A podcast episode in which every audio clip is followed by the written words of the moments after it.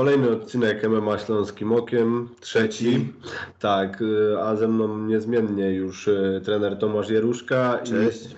I, I po wojażach u naszej redakcyjnej konkurencji MMA Tonight wraca Jacek Kluba. Witam Was serdecznie. Witam wszystkich widzów. Jacek, jak tam było z chłopakami z Grudziądza i Warszawy i Krakowa?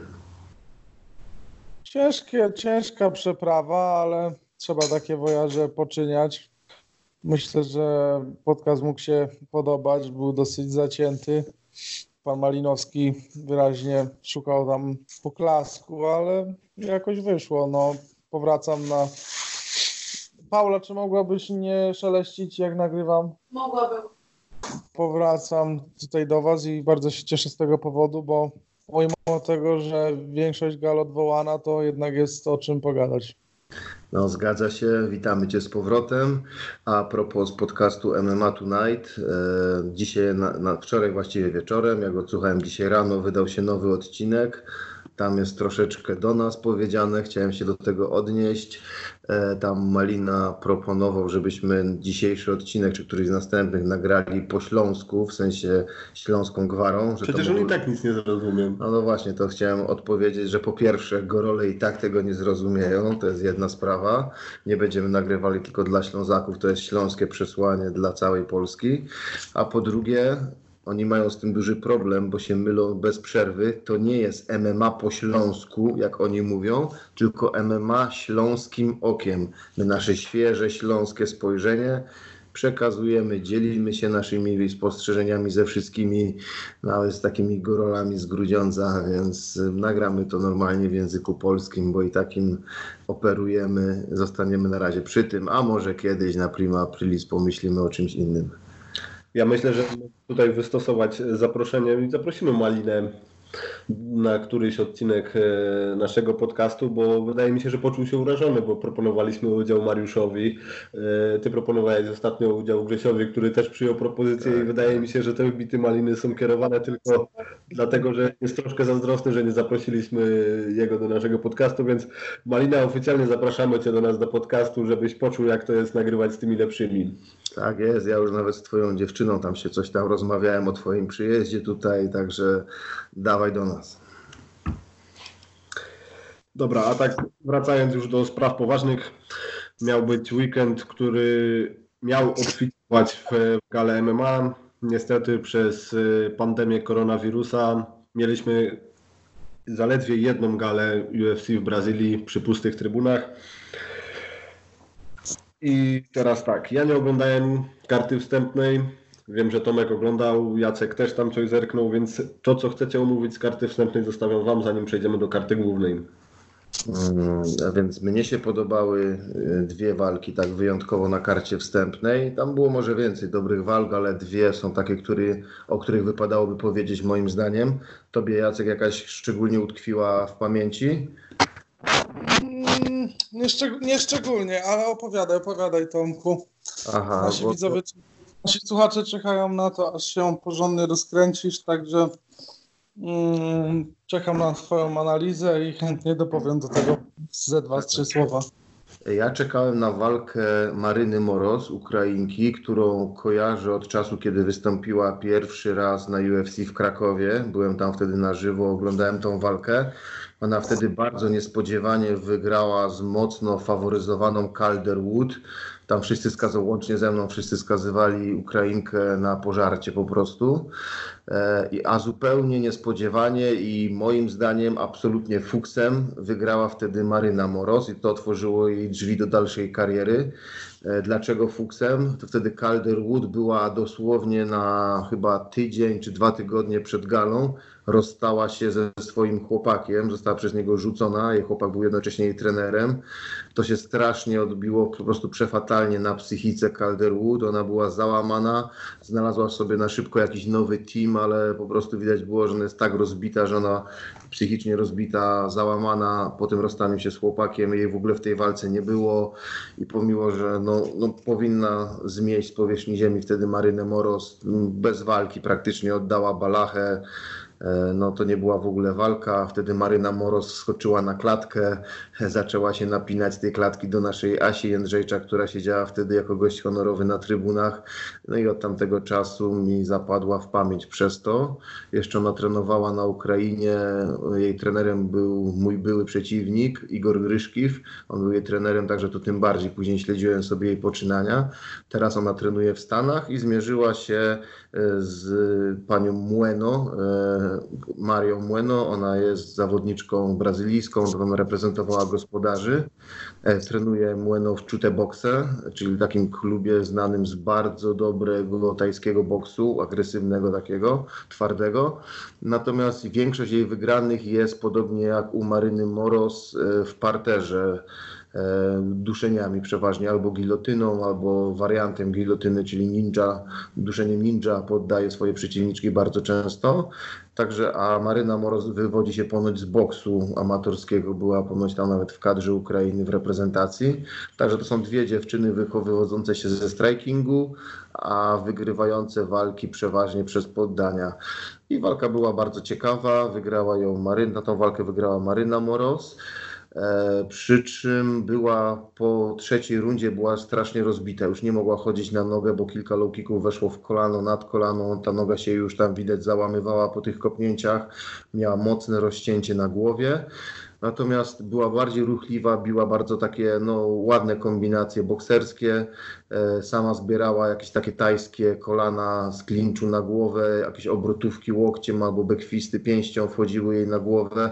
Trochę miała problemy w klinczu, ale udawało się też nam raz w drugiej rundzie ładnie z wycięcia, takim judo wycięciem rzucić przeciwniczkę na matę. Ciekawa walka bardzo była. Miałem wrażenie, że Brazylijkę zjadła trochę trema ale, ale jeżeli by się odblokowała i odrobinie, odrobinę poprawiła tą gardę bokserską, e, bo widać było te takie naleciałości z tajskiego boksu, te ręce za bardzo się rozsypywały i to była woda na młyn bokserki z Ukrainy, e, no to naprawdę może być z niej też ciekawa zawodniczka. Natomiast sama Maryna Moros no pomału pnie się w górę ten jej rekord coraz lepiej wygląda. No jeszcze wiadomo, to nie jest taki poziom, żeby mogła się zbliżyć do Asi Jędrzejczyk, to no, zostałaby przez nią po prostu zmasakrowana, uważam ale, ale jestem ciekaw, no co dalej z nią będzie. Na tej samej gali tam jeszcze była w tej samej wadze walka dwóch innych kobiet, pani Hiba z panią Markus. To wiadomo było od razu, że ta Marcos jest skazana na pożarcie dla miejscowej takiej faworytki młodej dziewczyny wywodzącej się z judo Hibas. Um, obstawiałem, że Hibas wygra i wygrała, przy czym rozczarowała mnie dosyć mocno, bo pomimo tam parter, no przyzwoity, fajny, widać, ale, ale pomimo, że ma background z judo, jakoś tak nie potrafiła nawet specjalnie obalić e, przeciwniczki, która jakichś mocnych zapasów nie ma. E, stójkę pokazała raczej słabą, biła dużo pięści, ale z miejsca, także większość osób w ogóle nie dochodziła. No niemniej to były dwie walki w tej samej wadze E, na, wtedy jest ta sama waga strawweight, którą reprezentuje nasza Asia Jędrzejczak, więc fajnie, że w tej wadze coś się dzieje, pojawiają się nowe zawodniczki. To ta jedna walka, właściwie dwie, o których wspomniałem. I druga bardzo ciekawa walka się okazała, nawet na nią nie czekałem. E, to był walka Brazylijczyka miejscowego Formigi z meksykańskim zawodnikiem Moreno. E, tutaj to jest jedyna walka, którą źle obstawiłem przed tą galą. Tu mi nie, nie, nie wszedł ten, popsuła mi całe typowanie, bo wszystko weszło, tylko nie ta walka. Nie kojarzyłem w ogóle tego zawodnika Moreno, kojarzyłem tego Formigę, że ma przyzwoitą stójkę, ładną, bardzo ofensywną, e, ma bardzo dobre zapasy. No i myślałem, że upora się z jakimś tam Brazylijczykiem, właśnie bijąc, obalając, kontrolując. I bardzo się zdziwiłem, bardzo polega, polecam wszystkim tą walkę zobaczyć. E, była dziwna, były przestoje w tej walce, więc to nie będzie pewnie walka roku, ale i tak było mnóstwo ciekawych akcji. E, ten anonimowy dla mnie Meksykanin e, Moreno pokazał bardzo taką ciekawą stójkę, w której wyraźnie było czuć meksykańską szkołę boksu. E, walczył szeroko na nogach, wychylony do przodu, ręce nisko i z tego wbił sobie takie fajne albo pojedyncze uderzenia, albo wchodził w luźne kombinacje na 5-6 uderzeń, którymi kilka razy trafiał. E, pomimo, że zapaśniczo ulegał Formidze, Formiga ładnie atakował, miał mega kontry, dawał się obalić, ale no po prostu naprawdę ładnie uciekał. E, dwa razy przestoje w tej walce wynikały z tego, że e, Formiga przestraszony chyba tymi ucieczkami z parteru, które były bardzo widowiskowe, raz Moreno wsta wstawał po prostu z Formigą na barkach i slamował go na ziemię, obracał go, no naprawdę to wyglądało bardzo widowiskowo. widowiskowo. Formiga się tego przestraszył i kiedy miał pozycję dominującą, trzymał na spince mocno, mocno, tak że nic się właściwie nie działo, czekał do momentu, aż sędzia przerwie i wznowi na środku albo do końca rundy. Stąd wynikały przystoje w tej walce, ale no naprawdę warto to zobaczyć. Tam były akcje fajne z obu stron. Ofensywa zapaśnicza Formigi, kontry Moreno, jego taki nieszablonowy boks, którym karcił bardzo często takie kickbokserskie zrywy Formigi, czyli tego brazylijskiego rywala. No, bardzo fajna walka do zobaczenia. To takie dwie walki, które na mnie zrobiły największe wrażenie w karcie wstępnej. Uważam, że jeżeli ktoś nie oglądał tej karty, a bardzo często właśnie ludzie sobie tą kartę wstępną darują, to warto te walki nadrobić, bo no, no to z, z Moros jeszcze pewnie coś będzie w tej kategorii, w której nasza, nasza Asia będzie próbowała pewnie znowu zasiąść na tronie, a Moreno no naprawdę pokazał się super na tle też bardzo dobrego Formigi, więc warto tych zawodników śledzić. Jacek, chciałbyś coś dodać na temat karty wstępnej? No, generalnie tak uzupełniając to, co tam się działo, ciekawy e, werdykt w walce Rani Jaja e, z, z, Mamy problem, coś przerywa Jacku. Czekaj, bo cię tracimy. Mam, mam takie twoje tylko przerwane słowa. Taki klasyczny przykład na to, że teraz słychać? Teraz. Nie, to wcześniej, więc nie wiem o co chodzi. Teraz dobrze? Teraz dobrze? Teraz dobrze.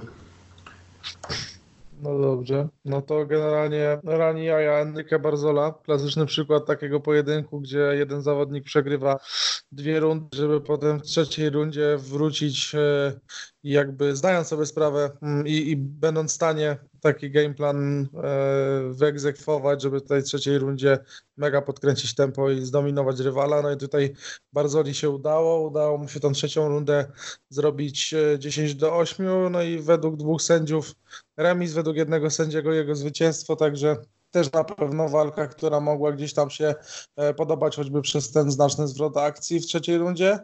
E, no i nie sposób też nie wspomnieć o walce otwierającej, inauguracyjnej tej gali, czyli e, Bea, Beata Małecki przeciwko Weronice Macedo. Obydwie zawodniczki e, gdzieś tam mniej lub bardziej znane polskim kibicom za polskie konotacje. No w zasadzie Bea Małecki to, to Polka, która w wczesnym dzieciństwie wyemigrowała z rodziną do Szwecji i tam do tych sportów walki się w tych sportach walki się zakochała i te sporty walki zaczęła trenować. Także no jej zwycięstwo bez jakichś y, większych kontrowersji, chociaż walka y, taka ambitna ze strony tej mniejszej Macedo, która wyraźnie odstawa warunkami fizycznymi. Ciężko mi powiedzieć, czy w tej kategorii jest jakakolwiek szansa na zagrożenie jakiejś zawodniczce z takimi no, zasięgami, z takim niewielkim gabarytem też walka nie najgorsza. E, ciekawe, jak będą, jak będzie UFC dalej Małecki układało tą karierę i te pojedynki. Na razie dwie walki wygrane, e, niepokonany rekord utrzymany. Także też taki fajny akcent dla polskiej publiczności. Na e, trzeci taki pojedynek, który zapamiętałem, to Elizeu Zaleski z Aleksejem Kunczenko, który na 21 walk przed tym pojedynkiem miał tylko jedną porażkę. No i też pojedynek bliski, taki hmm, dosyć efektowny, ale e, widać, że zawodnicy tam podeszli do siebie z mega szacunkiem. Wszystko toczyło się praktycznie cały czas e, w stójce. Obydwaj znani z nokautującej siły i takiego efektownego stylu. Kunczenko taki bardziej twardy styl, mocne uderzenia, taka troszkę ciosana stójka, ale E, ale skuteczna i, i, stosownie wywierająca presję na przeciwniku. Na Zaleski sam pseudonim jego capoeira, czyli jego sztuka walki, z której gdzieś tam wywodzi się. z którą zaczynał przed MMA. Mm, dużo tam było różnych fruwających technik, no ale ostatecznie decyzją wygrana Zaleskiego też pojedynek, który moim zdaniem mógł się w dwie strony obrócić. Także tyle, jeżeli chodzi o kartę wstępną. No i jeszcze mamy do spowiedzenia co nieco na temat main cardu, który na pewno oglądali, oglądało większość osób, które teraz nas słuchają, no to oddaję głos Filipowi. Filip, e, co Ci się najbardziej podobało, począwszy od pierwszego pojedynku, aż po walkę wieczoru? Zacznę jeszcze od tego, że w karcie wstępnej wszystkie walki y, dotrwały do pełnego dystansu, żadna, żadna nie skończyła się wcześniej. I tak samo rozpoczęła się karta główna, gdzie Francisco Trinaldo pokonał Johna Magdesiego przez jednogłośną decyzję sędziów. No, ja w tej walce widziałem tylko chęć zwycięstwa po stronie Trinaldo. Nie wiem, czy, czy wy widzieliście to samo. Facet pomimo 40 lat już na karku miał plan, ruszał się przez całe trzy rundy a Magdessi cofał się tylko i no, nie widziałem w jego oczach gdzieś tam chęci na, na wygranie walki. To były takie pojedyncze ciosy. Nie było tam żadnych kombinacji, które mogły zagrozić rywalowi.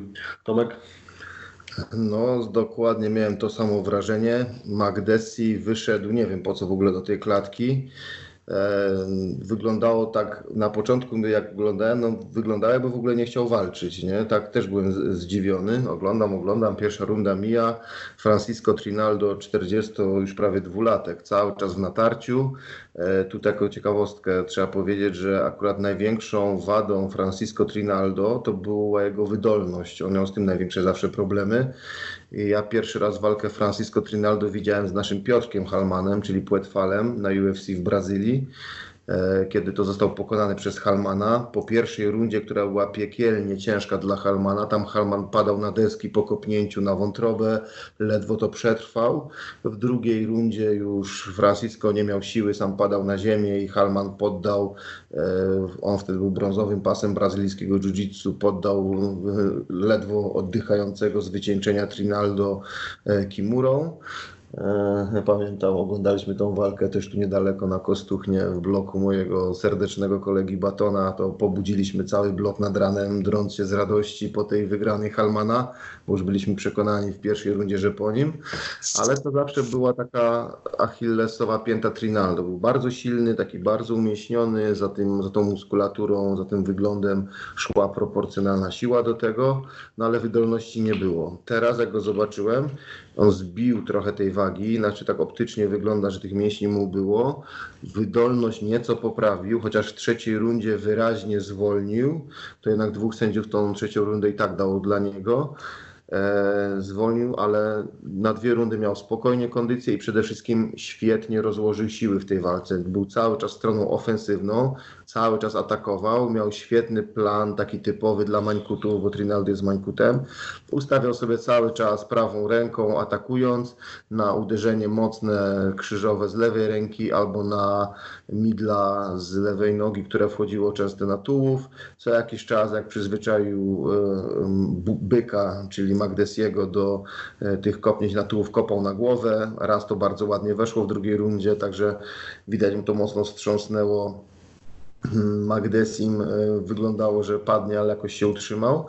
E, no i Magdesim rzeczywiście miał, no widać, no przez te dwie rundy no nie robił nic, żeby wygrać walkę. Tylko uciekał, kontrował sporadycznie, słabo. W trzeciej rundzie się okazało, że to był plan na tą walkę, bo zdaje się liczyli na to, sztab e, Magdesiego liczył, że Trinaldo się wypompuje i w trzeciej rundzie będzie można go skończyć przed czasem.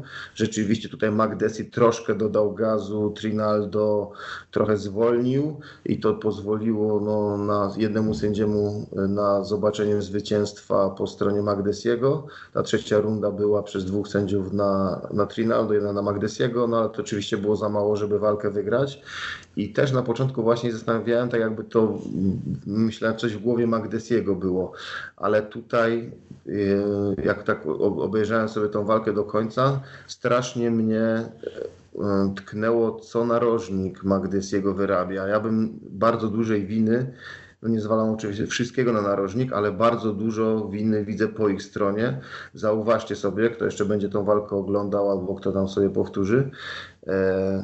Narożnik, no to był kretyni to byli. Jak ostatnio bardzo chwaliłem narożnik naszego Tybury, który wykonał świetną pracę w walce, to ten narożnik po prostu cały czas drą się, cały czas słychać po każdej akcji yes, good job, good job, good right hand, good right hand, good job. Cały czas oni nie mówią, nie podpowiadają żadnej akcji swojemu zawodnikowi, nie mówią mu, co musi zmienić, tylko cały czas chwalą jego akcję. Nawet jeżeli on przegrywał wymianę, a prawie wszystkie przegrał, bo wsadził jedno uderzenie, a zebrał dwa i kopnięcie, to oni cały czas krzyczeli, chwalili go, że zawodnik mógł mieć wrażenie, że on tą walkę prowadzi, bo zawodnik, no to jest tak jak jest wyścig, jest kierowca, jest pilot i kierowca musi zaufać pilotowi. Jak pilot mówi hamuj albo teraz w lewo, to nawet jak kierowca czasami ma inne wrażenie, no to musi słuchać się swojego pilota.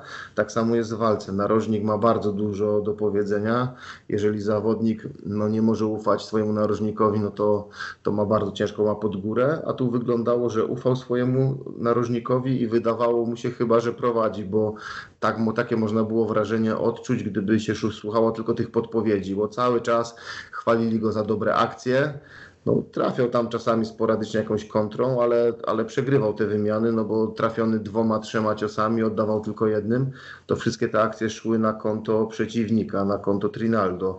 A on sobie walczył, walczył spokojnie, dodał w trzeciej rundzie i to zresztą widać było, że na koniec, kiedy y, czekali na werdykt, kiedy wybrzmiał gong po trzeciej rundzie, on się cieszył, pokazywał wyraźnie, że jest zadowolony z tej walki i wydaje mi się, że no tutaj trzeba mocno, mocno podkreślić, że to wina narożnika. No, on miał takie wrażenie, że wygrywa chyba, narożnik mówił mu w przerwie, że jest wszystko w porządku, wszystko wspaniale, że, że wygrywa, chwalił cały czas jego akcję, nie kazał mu nic mocniej dociskać.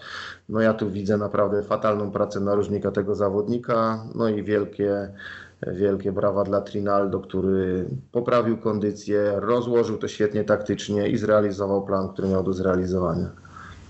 Y, to taka fajna zależność, że Trinaldo, który przegrywał z Piotrkiem Halmanem, y, jest, otwiera kartę główną na UFC w Brazylii, a kariera Piotrka Halmana no, gdzieś tam wygasła i nie, nie oglądamy go już na zawodowych starciach. Jacek, czy ty chciałbyś coś dodać do tej walki?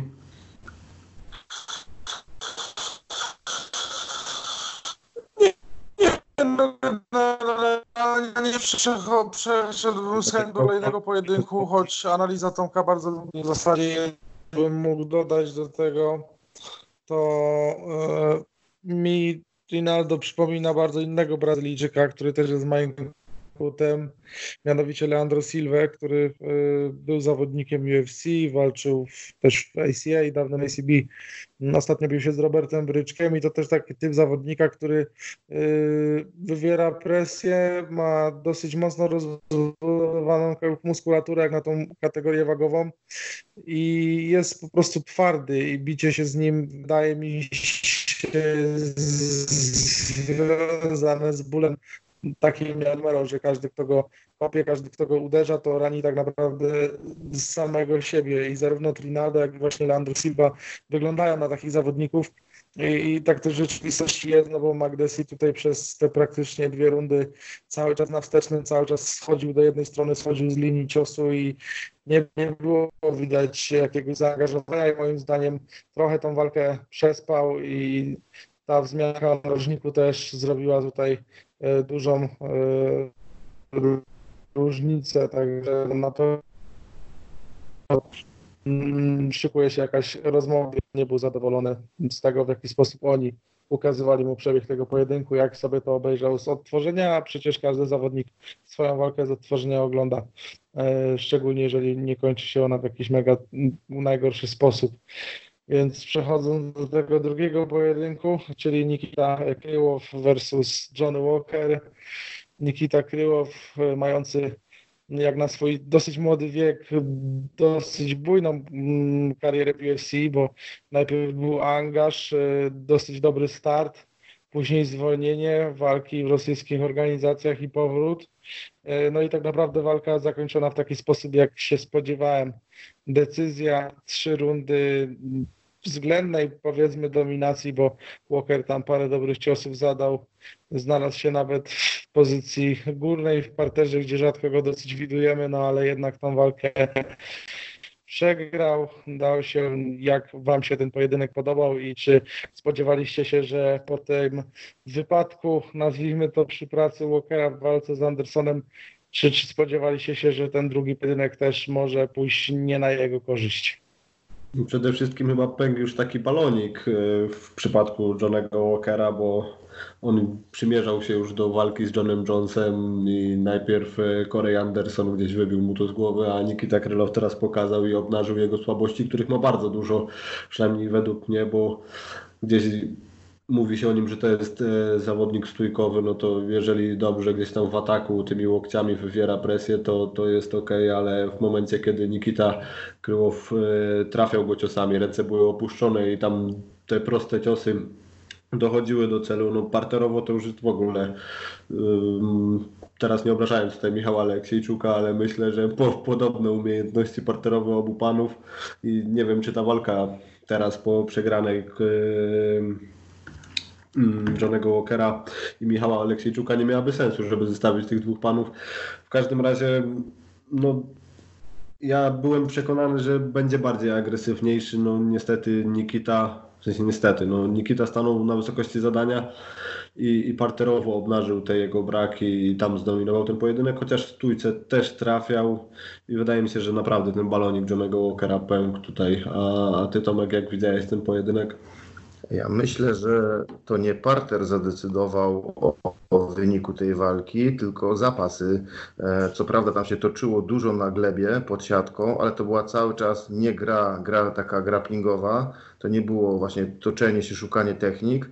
To widać był gameplan na walkę Krylowa bardzo dobry. On od razu na początku pierwszą rundę ruszył, wszedł pod, e, w biodra na wysoko, pod siatkę posadził i pracował nad rozciągnięciem go wzdłuż siatki. Tutaj przyjął trochę ciosów na głowę. Mm, Walker na początku bardzo dobrze bunkrował się pod tą siatką, siedział sobie, podpierał się jedną ręką, drugą uderzał. Tam trochę tych ciosów, to takich nawet robiących wrażenie, weszło przez minutę e, na Krylowa, ale w końcu udało mu się przewrócić go, położyć i wtedy sobie zaczął kontrolować to, cały czas popracował, trochę próbował przechodzić, pouderzał. W końcówce rundy dał się sweepnąć i zebrał parę ciosów z góry, ale pomimo tego ja tą rundę zapisałem pierwszą i tak na jego konto i pokazała się już wtedy właśnie te braki takie e, nieparterowe, tyle co zapaśnicze, te, tej pracy umiejętności wstawania spod siatki. Tak się Walker zafiksował na tych uderzeniach, kiedy miał czas wstawać do góry po siatce, no wstawać można tylko do góry, mój błąd, ale kiedy miał szansę wstawać po siatce, on wolał uderzać, uderzać cały czas tego e, Krylowa, żeby zaznaczyć jakąś swoją przewagę punktową, to doprowadziło do tego, że został przewrócony. Więc tu taki błąd taktyczny, a być może brak umiejętności wstawania po siatce, a może jedno i drugie. Nad tym bym popracował u Walkera. E, druga runda, e, wtedy to, co ty powiedziałeś przed chwilą, że trafiał Walkera e, Krylow, dopiero w drugiej rundzie, kiedy spompował się mocno tą akcją pod siatką, właśnie tymi, tym blokowaniem w parterze, o ile Krylow to robił to bardziej technicznie, to Walker robił to bardzo siłowo i widać, że w tym momencie ruszył na początku Nikita do ataku stójkowego. Tam trafił właśnie prostym sierpem, prostym znowu trzy takie razy prawe weszły na głowę E, Walkera, który no, miał rozsypaną gardę, bo widać było, że ma po prostu spompowane ręce, spompowane plecy, to mu te ręce leciały do dołu, do dołu nie miał się czym zasłaniać, dostawał, odlatywała mu ta głowa, został znowu obalony. No i potem to już była gra spokojnie Krylow ze zmęczonym tym Walkerem, no to już obalał go sobie, kontrolował do końca. Natomiast co się pokazało? Ładnie się pokazał bardzo Krylow w tej walce, no ale jedną rzecz też musi poprawić bardzo mocno, a mianowicie pracę z gardy. Kiedy on się znajduje w gardzie, w ogóle nie umie pracować. Tam były takie momenty, że leżał sobie zmęczony Johnny Walker na plecach, w jego gardzie na górze był Nikita Krylow i w tym momencie no, zawsze wygrywa walkę, prawie zawsze wygrywa walkę ten z góry. Tym razem ja te chwile często punktowałem dla właśnie dla Walkera na dole, bo kompletnie nic nie robił z góry Krylow. Po prostu leżał, próbował rozpychać ręce, nie próbował przechodzić gardy, przede wszystkim nie uderzał skutecznie, a zbierał dużo tych takich łokci na czubek głowy, zbierał dużo ciosów no a w ogóle nie, nie potrafił na to odpowiedzieć. Widać, że nie umie po prostu bić z tej gardy. Nie wiem dlaczego ma taką e, taki handicap, no ma tu jakiś ewidentnie z tym problem. E, jego akcje się zaczynały wtedy, kiedy e, Walker skręcał się na przykład do balachy, z tej balachy nic nie wychodziło, a w efekcie tego Krylow obchodził gardę i wtedy już ładnie pracował z bocznej, dużo bił, odrabiał te straty, które miał ale no, musi po prostu popracować nad uderzeniami z gardy, bo no widać było, nie umie tego robić, nie jest przyzwyczajony. I szczerze mówiąc, gdyby Walker został w tej gardzie, nie próbował jakichś technik kończących, bo co próbował trójkąta albo balachy, to po prostu dawał obchodzić gardę Krylowowi. To było w drugiej, w trzeciej rundzie cały czas tak. Jakby tylko leżał z tej gardy i tłukł go łokciem, to pomijając, że mógłby to wygrać przez jakieś rozcięcie, to wygrałby tą walkę, bo sędziowie po prostu nie mieliby czego punktować, bo to, że był Krylow z góry, ale po prostu zbierał, zbierał, zbierał te ciosy, nie oddawał ani jednym, no, no, no tak się walki nie wygrywa, nawet będąc z góry. A dopiero e, Walker z tymi swoimi takimi no mało poradnymi próbami technik kończących rozpinał gardę, dawał przechodzić Krylowowi pozycję, no i wtedy już sobie z bocznej pozycji, nawet z półgardy, z dosiadu też pracował bardzo ładnie Krylow. No tutaj jedna moja uwaga do niego, fajny plan na walkę, dobra kondycja, wszystko ładnie wykonane, tylko jeszcze, żeby poprawić tą pracę, kiedy znajduje się w gardzie na górze, bo to no, leży i kwiczy po prostu. A o Walkerze no, no, wszystko zostało powiedziane. Kondycja nie ta, zapasy nie te, a w stójce bardzo się odsłania. Jak nawet atakuje, kiedy jeszcze ma, ma siłę, to tą brodę trzyma wysoko, nie wraca rękami do gardy. No ma oczywiście potencjał, jest szybki, jest dynamiczny, eksplozywny, ale no technicznie to jeszcze bardzo dużo roboty przed nim do wykonania. Jeżeli chce jakieś tam poważne ligi szturmować w UFC, i tak jak powiedział Filip, ja też bym zobaczył jego walkę z Lordem. Pomijając to, że ja Lorda wysyłam do kategorii niżej, to jeżeli miałby walczyć w półciężkiej, to zobaczyłbym go właśnie chętnie z Johnny Walkerem. Tu się dokładnie to samo, jak oglądałem tą walkę już w końcówce, no myślę, no to byłby teraz piękny przeciwnik, dla, przeciwnik dla naszego Oleksiejczuka. Myślę, że Oleksiejczuk by go tam przy tym odsłanianiu się Walkera i wcale nie takiej jego znowu mocnej szczęce, to by go tam wysłał na dobranoc do spania. A Jacek, jak ty to widziałeś? No, chyba nie ma Jacka z nami, coś się chyba stało. W każdym razie e, Johnny Walker dopiero chyba trzeci raz był e, w trzeciej rundzie. Bo... Jak wygrał, jak widziałbym walkę Johnnego Walkera. Jacek, mamy problemy z komunikacją, z łącznością. Coś usłyszeliśmy Cię przed chwilę, ale nam się straciłeś. Nie słyszymy Cię w ogóle w tym momencie. E, nie macie z nami. No teraz coś tam zabrzęczało. Spróbuj coś powiedzieć. No siema, siema, co jest? Teraz słychać, teraz Nawiązałem do tego Walkera. No a teraz znowu nie słychać. No i mamy problem duży z łącznością. Niestety ja i Filip siedzimy koło siebie, a Jacek nadaje z tajnej bazy na panewnikach, ale no z zasięgiem mamy ewidentnie problemy. Halo Jacek. Halo, halo. O, No, teraz jest dobrze. Słychać. No spróbuj teraz powiedzieć, jak ty widziałeś to walkę Walkera z Krylowem. No, Dla mnie generalnie na pewno dla Walkera dobrze, że przewalczył coś na pewnym dystansie. Krylow e, wszystkich swoich poprzednich rywali kończył przed czasem tych, z którymi wygrywał, także też swojego rodzaju była to dla niego przeprawa, żeby ten pojedynek wygrać przez decyzję. Mówił coś tam do Walkera na ucho pod koniec tej walki. Ewidentnie dziękuję mu w taki wyjątkowy sposób za to, co tam się wydało. Pojedynek mógł się podobać. Yy, Myślę, że dużo wniosków z niego wyciągnął. Czekaj Jacek, bo niestety znowu mamy na a znowu cię nie słyszymy. nie do tego zadania. Po tej walce z yy, przegranej yy, z Andersonem mogli go zestawić z jakimś słabszym wynikiem. Najgorzej. No niestety znowu nam się urwała łączność. Nie wiem, czy to jest problem z internetem, czy to sprzęt coś szwankuje, ale chyba nie pogadamy dzisiaj za wiele z Jackiem, niestety. Eee. Ale ja też? No wiesz co, nie, nie słyszymy cię, cały czas przerywa, albo całkiem cichniesz, albo słyszymy tylko takie po, poucinane kawałki twojej wypowiedzi. Słabo, kurde, no. Nic na Tak. to nie poradzę. Teraz jest dobrze. Dobra, to przejdźmy może do tego. Czy ty też widziałbyś e, walkę e, Michała Aleksiejczuka z Johnem Walkerem teraz w tym momencie na, na tym etapie ich kariery?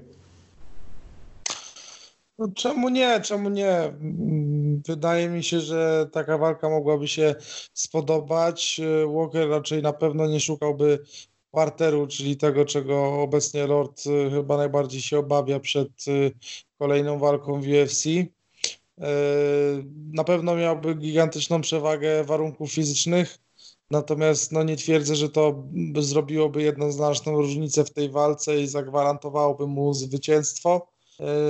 Myślę, że jest podatny też na to, jak, jak tak mówią, no, na to, żeby być dobrze trafionym. I fajny pojedynek. Mam nadzieję, że Michał już wrócił do siebie po porażce i, że tak powiem, otarł łzy. Wrócił na właściwą drogę do tego, żeby znowu zwyciężać. Także jak najbardziej taki pojedynek bym chętnie obejrzał, choć nie jest to jedyna walka tej kategorii z udziałem Michała, którą można byłoby teraz zorganizować. No, zgadza się. Ja nie jestem pewien, czy Michał wrócił, bo Mirek Okiński tam cały czas mówi o tym, że Michał musi mieć rok przerwy na podszkolenie zapasów, na podszkolenie jiu-jitsu. No według mnie to jest zły pomysł. On powinien się teraz właśnie odbić z kimś takim, z kim miałby realne szanse wygrania, a stylowo, pomimo przewagu, przewagi warunków fizycznych, Walker by mu świetnie leżał. Te braki w defensywie, które pokazał, ta no, nie, nie tytanowa szczęka, no to wszystko by predysponowało Michała do zwycięstwa i no, mimo wszystko to Walker, co by nie mówić, to jest takie medialne, głośne nazwisko, takie zwycięstwo dałoby dużo Michałowi, e, no, oczywiście da, dały mu dużo pewności siebie, a według mnie to byłaby właśnie fajna walka i bardzo dobry pomysł na coś i takiego z naszego tutaj polskiego punktu widzenia, ale też z punktu widzenia UFC.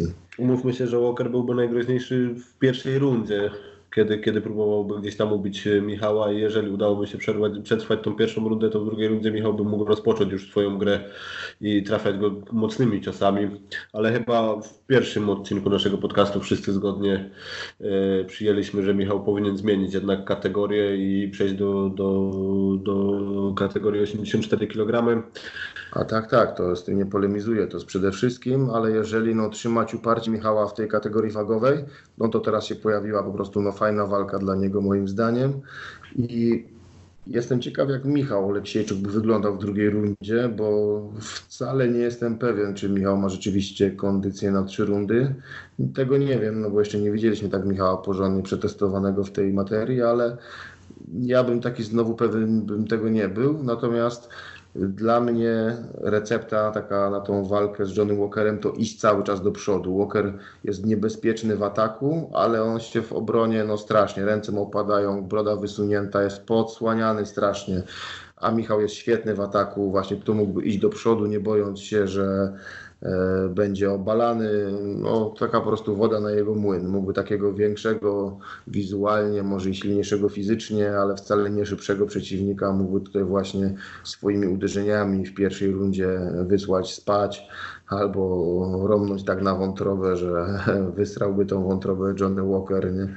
No, dla mnie fajna walka dla Michała. Pewnie nie zobaczymy tego niestety no ale jeżeli miałby Michał walczyć w tej kategorii półciężkiej dalej, to właśnie widziałbym go z nim. Mm, Bardzo uważam za zły pomysł to, żeby Michał teraz pauzował przez rok. Jest po dwóch przegranych i teraz rok przerwy. To po pierwsze zapomną kibice mocno o nim, po drugie no tam władze UFC zaczną na niego krzywo patrzeć. No nie miało być dzisiaj o Michale, ale no to tak tylko wtrąceniem. Dobra, no to była ostatnia walka, która skończyła się decyzją na tej gali. Yy, W następnym pojedynku w kategorii lekkiej Renato Moicano pokonał Damira Hadżowicza przez poddanie. zaledwie 44 sekundy i co mnie najbardziej rozśmieszyło w całej tej walce, to Mojkano miał pretensje do swojego przeciwnika, że tak szybko odklepał e, to duszenie i chciał walczyć dłużej, co Harowicz kwitował, e, trzeba było mnie nie poddawać. No w każdym razie mm, szybka robota, obalił, wszedł za plecy, zapiął trójkąt nogami sobie na, na przegubie przeciwnika i zapiął ciasne duszenie. No, nic więcej o tej walce nie możemy powiedzieć, bo trwała zaledwie 44 sekundy, ale widać było, że Mojkano chyba chciał tutaj, był nabuzowany mocno i chciał pokazać więcej. No nie wiem, no nie był zadowolony z tego, że wygrał tak szybko. No to walka właściwie nie ma co o tej walce mówić. Złapany uduszony Damir Chadzowicz, nie ma tu nic więcej do powiedzenia. E, no już powiedziałeś o tym, co się stało po walce, o te pretensje, które Mojkano no, chciał porządnej walki, a po prostu no, nawet nie zdążył się spocić. Natomiast jedyne, co tak przez pryzmat tej walki trzeba byłoby tu powiedzieć, to trzeba byłoby powiedzieć o wrażeniu, jakie robi gala UFC bez publiczności. To dokładnie teraz na tej walce było tak bardzo mocno, cały czas to czułem, że tam tej publiczności brakuje, ale w tym momencie to mnie po prostu aż uderzyło.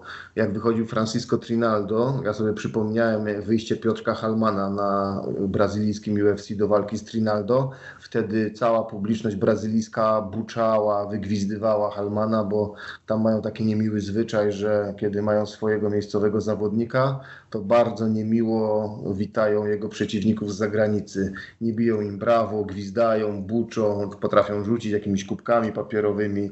No takie bardzo niefajne to jest przyjęcie, nie podoba mi się to. Tutaj była głucha cisza przy wyjściu, natomiast tutaj właśnie kiedy zaczął ochłonął troszeczkę Mojkano, to zaczął się tłumaczyć w wywiadzie, że to troszeczkę skonfundował go ten brak publiczności, że tam zaczął przepraszać, że trochę go poniosło, że wybiło go ten brak kibiców, to wszystko wybiło go trochę z rytmu. No i szczerze mówiąc wcale mu się nie dziwię, bo skoro ja miałem takie naprawdę dziwne wrażenie, kiedy, kiedy tam nie było słychać tego dopingu publiczności, nie było aplauzu przy dobrych trafionych e, ciosach, nie było wrzawy przy tym, jak jeden z przeciwników szedł do skończenia, nie było oklasków, to było naprawdę dziwne dla mnie jako widza przed telewizorem, to to dopiero musiało być dziwne dla tych zawodników, którzy są przyzwyczajeni, że jak walczą, no to ledwo narożnik słychać poprzez doping, poprzez wrzawę tych ludzi, no to naprawdę musiało być no, przedziwne. To musiało być takie wrażenie, jak no nie wiem, jak człowiek, który zostaje sam w operze wielkiej, po spektaklu nie zdążył wyjść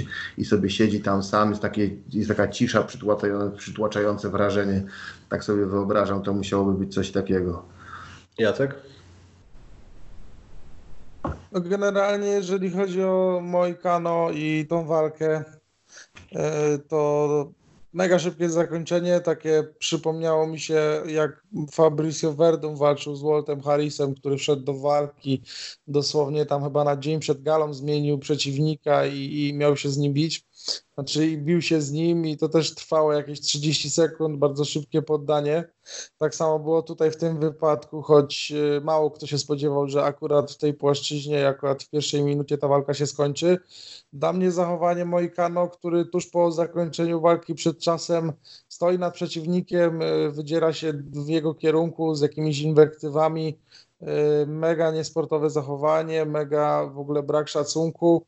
Wiadomo, że rywal, który klepie w niecałą minutę jest już wystarczająco mocno zawiedziony swoim performancem, żeby jeszcze w ten sposób go e, poniżać. Nie podobało mi się generalnie to zachowanie i wiadomo, że z jednej strony zawodnik pragnie wyzwania, pragnie emocji i wszystkich tych rzeczy, które daje mu walka, ale z drugiej strony warto też doceniać takie walki w karierze, w których to zwycięstwo przychodzi szybko i nie wiem, czy powiedzieć można, że łatwo, ale ale, ale, ale gładko nazwijmy to, no i, i generalnie to też dzięki temu zwiększa taki zawodnik y, możliwość jakby występowania w kolejnych walkach, bo taka lightowa walka potem przeplata się z jakąś konkretną wojną i, jeżeli cały czas zawodnik w każdej, każdej walce by się w pełni tak eksploatował, no to te kariery naprawdę nie byłyby zbyt długie i też można kilku takich zawodników wyeksploatowanych, obitych, rozbitych wskazać, także też nie do końca kupuję tą gadkę o, o byciu zawiedzionym krótką walką i zawodnik powinien się z szybkiego zwycięstwa cieszyć, a nie wiem, no jak ma ochotę y, ja na jakieś mega batalie, to zawsze może wystartować w boksie na 12 rund. Kiedyś modne to było wśród zawodników, że chcieli się boksować, teraz już e, ta moda minęła i w sumie tylko jeden taki znany zawodnik MMA na ten boks na full poszedł. No ale żeby nie rozwijać zanadto tematu, tak jak wspomniałem, dla mnie słabe zachowanie.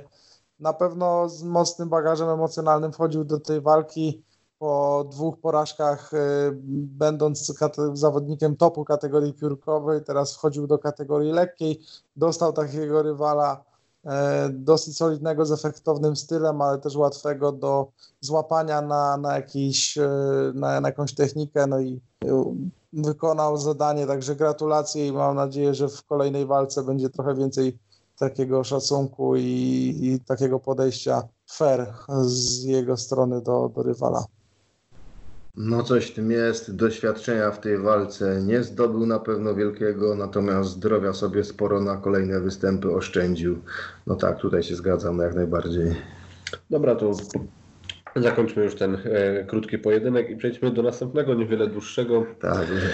Gilbert Burns pokonał Damiana Maję przez TKO w pierwszej rundzie po takim krótkim lewym sierpie trafionym prosto na szczękę, dobił go w parterze. No i co? To chyba już koniec Damiana Maj, znaczy bliżej tam do emerytury. Sam powiedział po, po wywiadzie po walce, że, że została mu jeszcze jedna walka na kontrakcie i prawdopodobnie zakończy karierę. Chciał, y, próbował wciągnąć swojego przeciwnika w parter, który też gapą nie jest, jeżeli chodzi o, o tą płaszczyznę. No i w momencie, kiedy walka wstaje do góry, przeciwnik trafia prosto na szczękę, y, Maja pada, miał tam pretensje do sędziego, że, że przerwał za szybko ten pojedynek.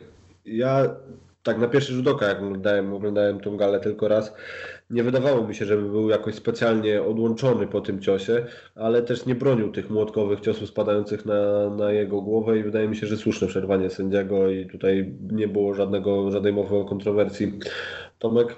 Te ciosy, te ciosy e, były bardzo szybkie. Tutaj warto zwrócić uwagę na to, że po tym ciosie e, pierwszym, po którym Maja upadł, e, ilość ciosów, które ten Burns wymierzył w ciągu kilku sekund była naprawdę mocna i raczej gdyby sędzia nie wkroczył, to ten, te ciosy dalej by się sypały i tylko odbierałyby szare komórki Mai i spowodowałyby, że wyszedłby z tej walki z jeszcze mniejszym parskiem energii, także dobre przerwanie i ten cios taki no kliniczny naprawdę na opuszek szczęki, e, uderzenie e, sierpowym bodajże chyba ciosem.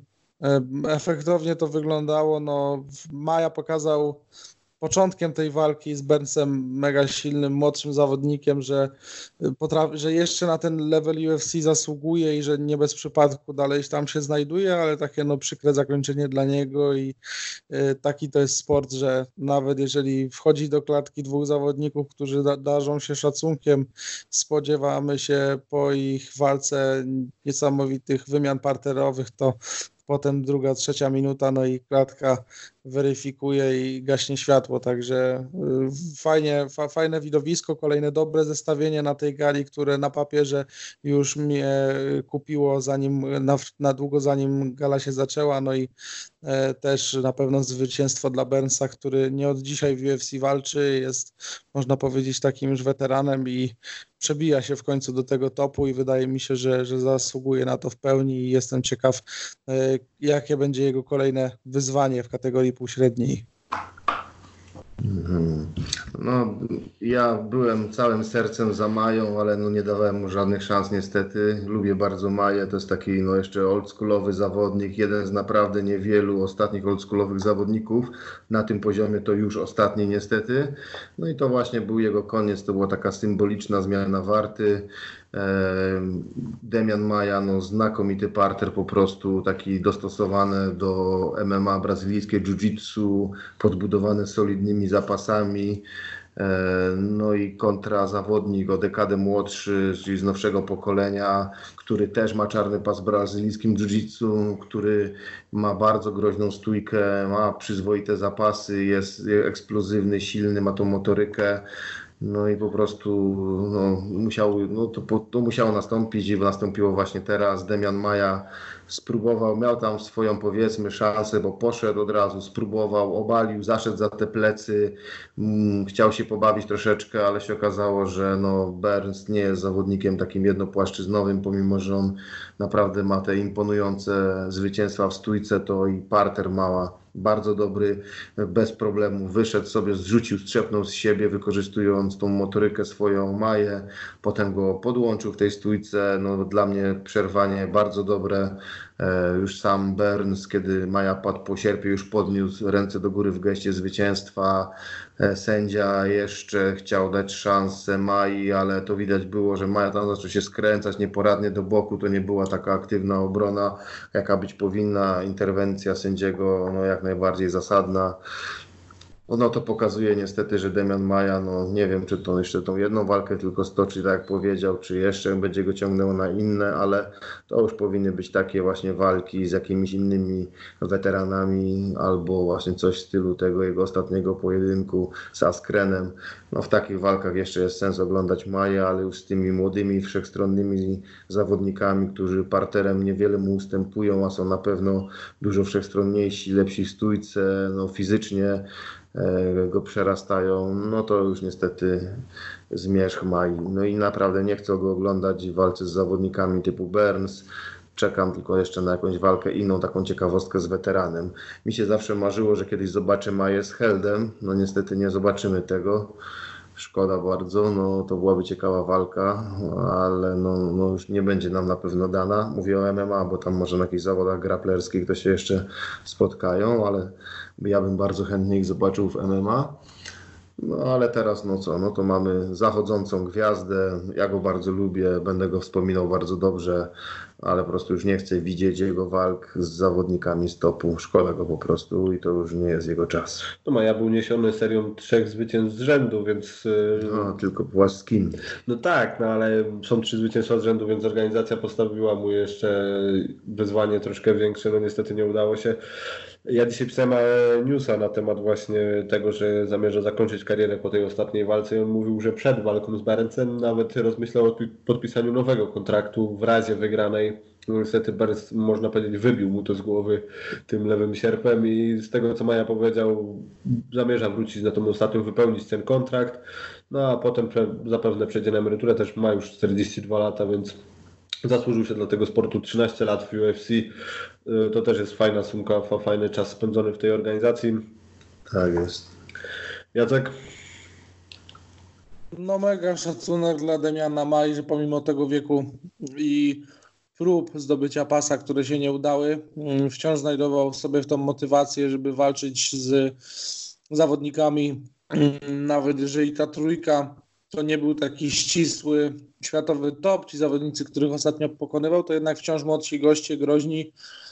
I tak jak powiedział Tomek, chętnie zobaczyłbym mm, Maję w takiej lidze Legends, jeszcze w jakiejś jednej walce albo kilku walkach w jakimś może e, turnieju zawodników, którzy mm, mają tą historię walk długą i gdzieś tam ich początki kariery umocowane są dawno, dawno temu. Nie wiem, czy koniecznie pod logiem Bellatora, bo sporo takich zawodników również tam walczy, ale e, wydaje mi się, że powinno być to jakieś fajne ukoronowanie.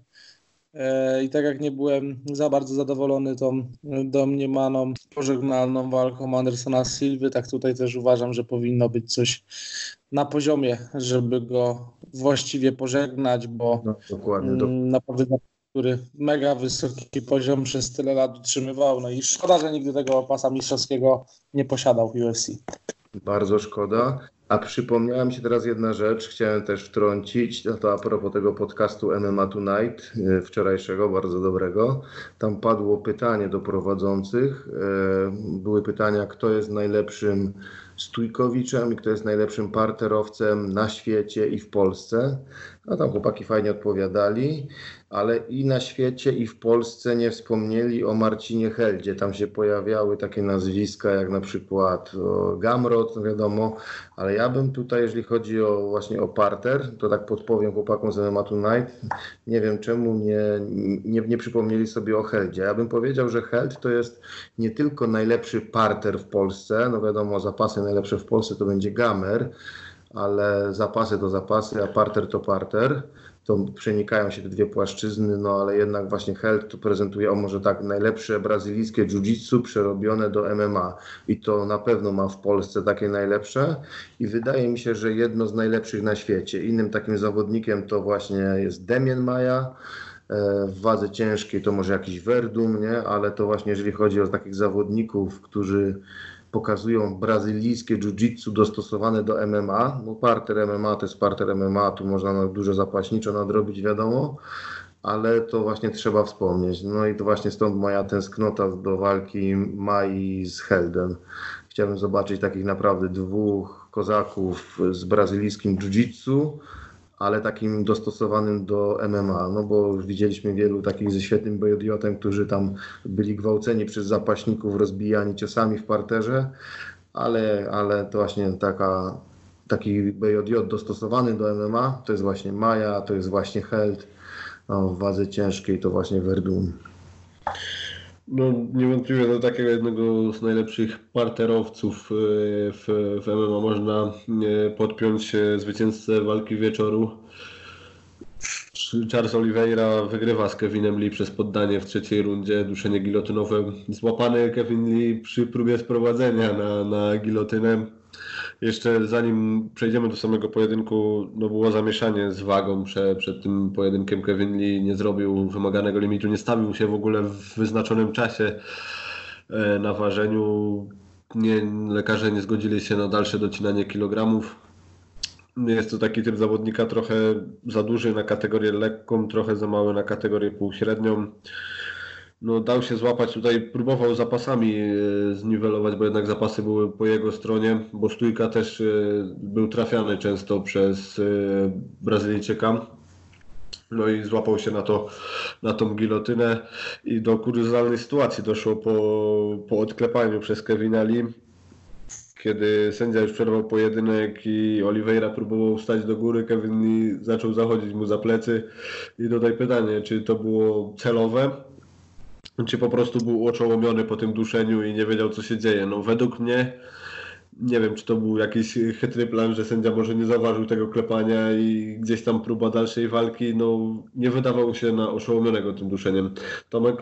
No według mnie to emocje go poniosły. Nie był odcięty, to nie było tak, że on na automatycznym pilocie leciał, odklepał wyraźnie, to nie było takie byle jakie klepnięcie, klepnął wyraźnie, bo czuł, że odpływa, po czym no, wyszedł nakręcony strasznie do tej walki, szalał, za bardzo chciał, no i to zdarza się czasami, było kilka takich przypadków, poniosła go ambicja, potem przeprosił za to, no ale ja to widzę, że po prostu no, poniosły go nerwy, to są naprawdę emocje w takiej walce, zdarza się, że czasami kogoś poniesie, ja to zwalam na karp jego takiej niespełnionej ambicji. A ty Jacek? No generalnie myślę, że też była to świadoma akcja i Oliveira dosyć, e, może nie dosyć szybko wstał po tym klepnięciu, ale wydaje mi się, że Lee miał wrażenie, że Oliveira wstał zanim jeszcze sędzia zdążył położyć na nich ręce i było to takie instynktowne działanie, żeby spróbować tą walkę pociągnąć dalej. Z jednej strony, jak to nazywał jak to Masvidal ujął troszeczkę takie, za, że Masvidal powiedział, że e, Lee zachował się jak dziwka, no nie mi tutaj mm, wyzywać Kevina w ten sposób, natomiast um, trochę niesportowe, trochę można zrozumieć. Ja jestem daleki od oceniania zawodnika, który wychodzi do klatki i znajduje się w niej y, pod takim kątem, także myślę, że kibice sami sobie jakoś to zwyrażą, który ciężko ma z przyjęciem porażki, jest bardzo ambitny i kiedy przegrywa, to po prostu nie umie sobie z tym poradzić. Już wcześniej też to pokazywał wielokrotnie w swojej karierze, także jest to wciąż młody gość. Mm, też już niestety troszeczkę poobijany w swojej karierze no ale taki, a nie inny sport i e, zobaczymy, czy uda mu się podnieść. No dla Charlesa Oliveira na pewno mega, a jego akcje poszybują w górę. E, rekord e, jakby ilości zwycięstw przed czasem pod rząd cały czas śrubowany. Niedługo będzie miał szansę przebić chyba Andersona Silva, z tego co wiem, który jest rekordzistą takim absolutnym w tej kwestii UFC. Także no, mega performance i widać było, że przede wszystkim, że Charles Oliveira świetnie wyglądał fizycznie w tej walce. Tak jak zawsze w kategorii piórkowej, kiedy jeszcze walczył, był takim mega, mega wysuszonym gościem, takim wręcz wieszakiem z tymi wyłupiastymi oczami. No, wyglądał nieraz naprawdę przerażająco e, na ważeniu i w klatce. Mm, tak tutaj w tej kategorii lekkiej e, gdzieś tam nabrał trochę kilogramów. Widać, że te ciosy wchodzą, ta stójka mega się poprawiła i nie jest już takim zawodnikiem, który tej stójki używa tylko po to, żeby swojego przeciwnika wyprowadzić w pole, a potem e, zaciągnąć go do parteru.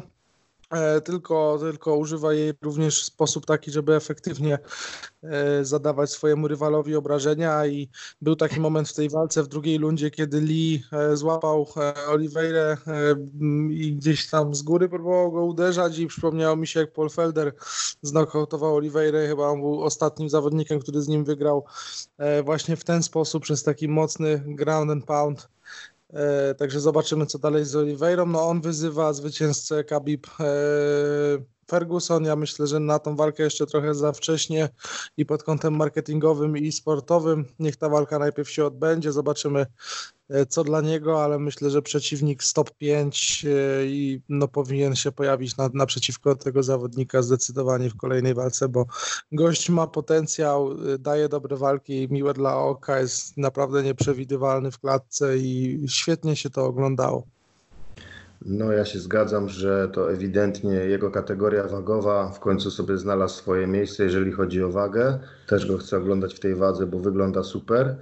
No a teraz coś o przebiegu samej walki. Co byś Filip powiedział? Co cię uderzyło w tej walce?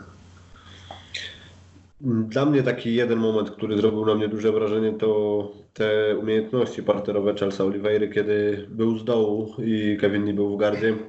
On w momencie yy, skręcał się do balachy, zapinał trójkąt, za chwilę przechodził do omoplaty, robił to tak dynamicznie, tak jakby płynął po prostu w tym parterze. Tam nie było jakiejś takiej, nie wiem, ciężkiej przeprawy do, do tych technik i tutaj naprawdę ten rekord poddań, jeżeli dalej będzie podtrzymywał, no naprawdę idzie w dobrą stronę. No i tutaj taki szkolny błąd Kevin Ali przy, przy tym obaleniu dał się złapać na tą gilotynę. Nie jestem zadowolony z postawy Kevin Ali, spodziewałem się czegoś więcej po nim i dalej nie wiem, gdzie go teraz wsadzić, do jakiej kategorii wagowej, bo ewidentnie do kategorii lekkiej się nie nadaje, chyba że wprowadzą tam jakieś, nie wiem, dietetyczne poprawy, bo, bo to nie jest pierwszy raz, kiedy ma problemy z robieniem wagi i tyle z mojej strony na temat tego pojedynku.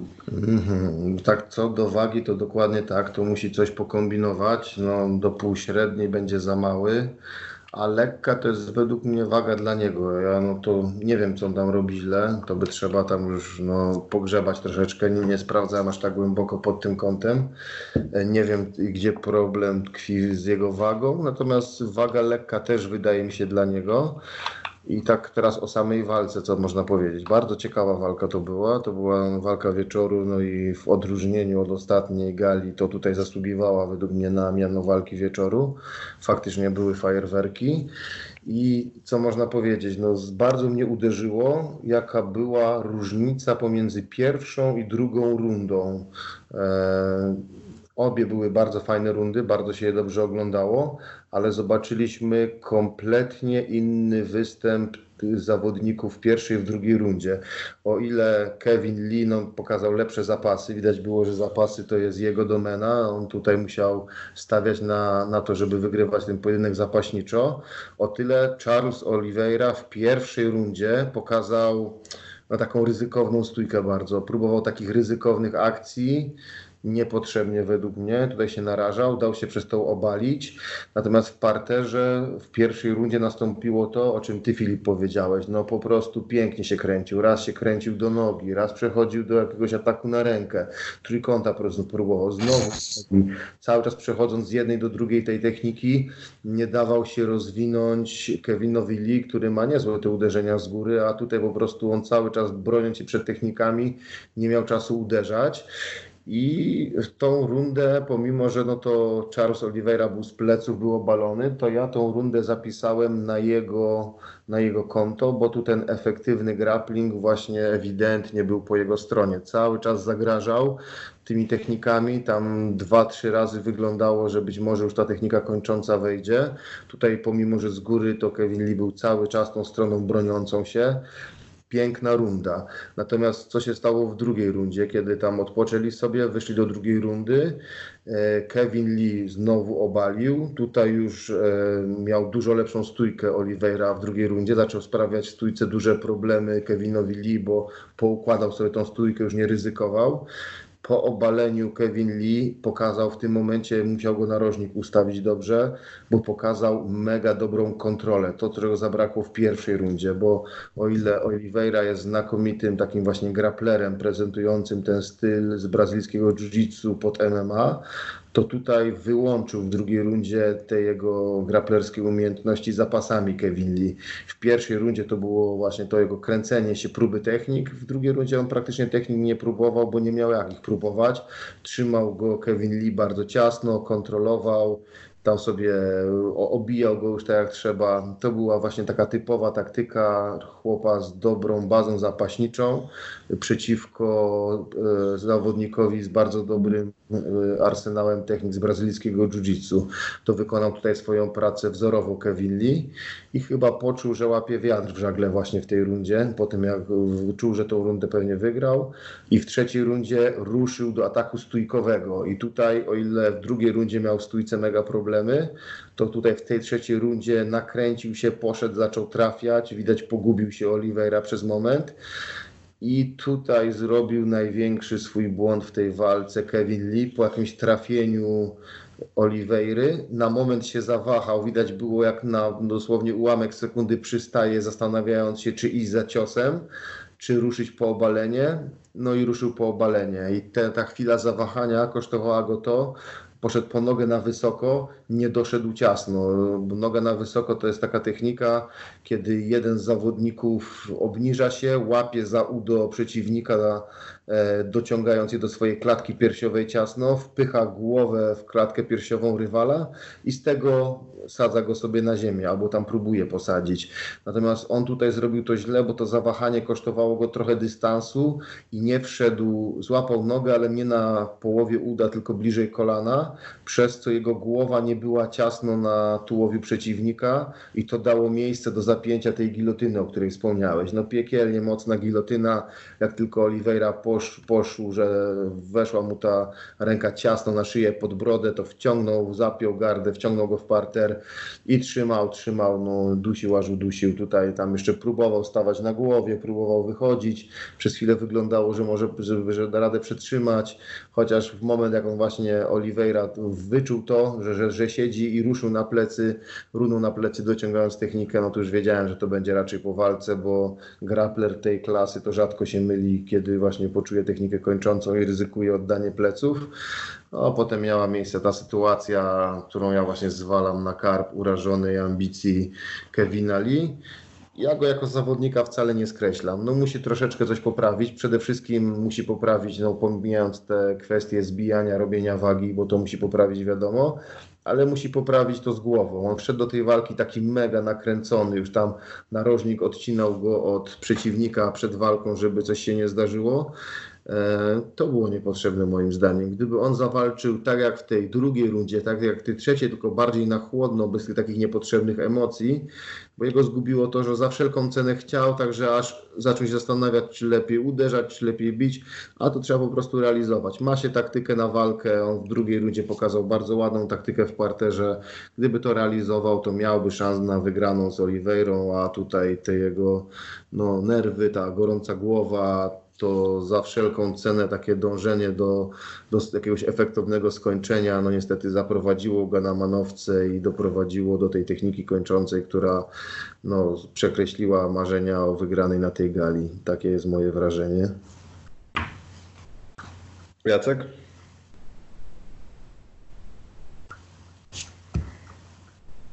Znowu mamy problem z połączeniem z Jackiem. No tak, no na pewno Kevin nie musi się tutaj zastanowić, e, co zrobić, żeby zostać w tej kategorii lekkiej i, i tam próby odżywiania czy, czy dietetyki muszą gdzieś być zmienione, żeby mógł docinać na spokojnie te kilogramy. Jesteś Jacek już z nami? Tak, tak, jestem, jestem. Przepraszam, wymiutowałem sobie przez przypadek mikrofon. E, generalnie powiedziałem Filipku, że ciężkie zadanie dajesz mi za każdym razem przekazując pałeczkę głosu po tym jak Tomek mówi, bo Tomek tak mówi, że zaczynasz słuchać i potem nie wiesz co masz powiedzieć.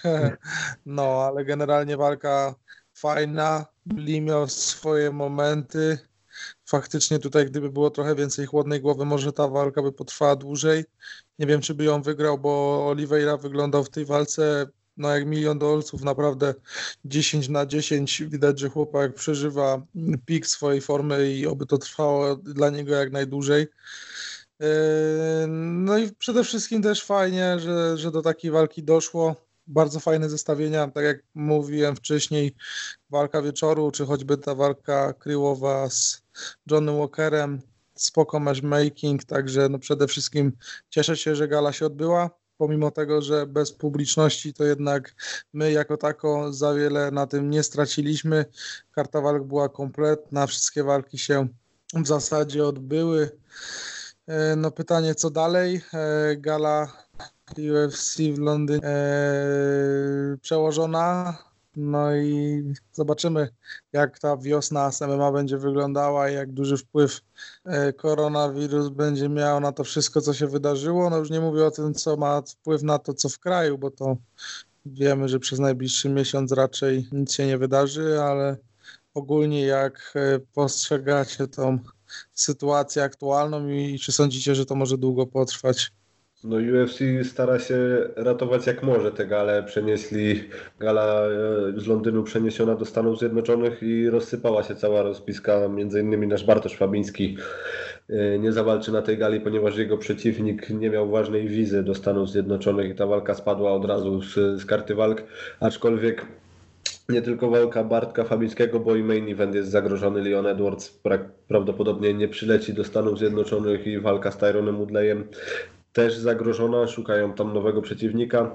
Wiem, że matchmakerzy UFC wysłali yy, maile do agentów, do grup menedżerskich yy, zawodników, że poszukują yy, zawodników w kategoriach od chyba 66 czy nawet 61 kg do 77, więc są zdesperowani, żeby utrzymać te gale. Z tego co wiem, Y, te plany przeniesienia gali do kompleksu Apex w, w Las Vegas też spaliły na panewce, ponieważ Las Vegas zabroniło już takich wydarzeń i ta walka, na którą czeka chyba cały świat MMA po raz piąty, zestawieni Khabib Nurmagomedov z Stanem Fergusonem, no jest duża szansa, że się nie odbędzie. Tomek, ty jak to widzisz? No, pięknie to powiedziałeś, jest klątwa nad tą walką, no, musimy znowu czekać. No, MMA na świecie no, na razie leży i czeka, co będzie dalej z koronawirusem. No niestety MMA, u nas w Polsce też leży i kwiczy w tej chwili z tego samego powodu. No, boleję nad tym, bo dotknęło mnie to osobiście. Mieliśmy mieć teraz no, 6-7 walk w najbliższym czasie. Te 7 walk już zostało odwołane i tylko czekamy, aż odwołają ósmą walkę na ACA Wojtka Bulińskiego, który no, teraz się szykował do tej walki, też zawodnik z mojego klubu i no, jesteśmy w takiej, no w ciężki czas jest to dla nas, bo po pierwsze wypadły nam te gale, dużo sił i środków y, poświęciliśmy na przygotowywanie się do nich, e, zawaliliśmy całą masę innych rzeczy, bo no, to był dla nas priorytet, no i to się teraz nie odbyło. E, jest to takie rozczarowanie dla nas no, podwójne. Do tego jeszcze nie możemy trenować, bo decyzją rządu mamy, no, jest zakaz treningów, pozamykane są wszystkie sale treningowe. No, możemy sobie poćwiczyć co najwyżej coś tam w domu i to mnie też bardzo martwi, bo znaczy ja nie, nie, nie polemizuję tak jakby z decyzją rządu, jeżeli oni uważają, że w ten sposób e, wygramy szybciej z koronawirusem, no to oczywiście będziemy się do tego dostosowywali. Niektóre kluby łamią ten zakaz, no czy mądrze, czy nie, no to, to już nie moja ocena. Natomiast e, jak już wróci ten sezon z powrotem, będzie znowu można robić gale, to obawiam się, że dużo klubów, które uczciwie robiły przerwę, nie będzie w stanie już wystawić tych zawodników od razu do walki, bo w naszym przykładzie tych moich siedmiu zawodników, którzy mieli walczyć, no, prawie wszyscy zrobili idealnie, wstrzelili się teraz z formą. Tam jeden tylko był troszeczkę nie tak, ale, ale też uważam, że wyszłoby to nie najgorzej. A teraz po tym miesiącu przerwy, który nas czeka około, no to trzeba będzie zaczynać właściwie przygotowania od zera. Oni będą chłopaki, wiadomo, że coś tam się poruszają, coś tam sobie pobiegają, jakąś siłówkę porobią, ale to będzie takie roztrenowanie. trzeba będzie zaczynać to wszystko niestety pomału od początku i to dodatkowo sprawi, że te gale znowu się odwleką. Nie będzie wielu zawodników, którzy będą, przepraszam, zaschło mi w gardle, to nie koronawirus, tylko zwykła chrypa. Momencik.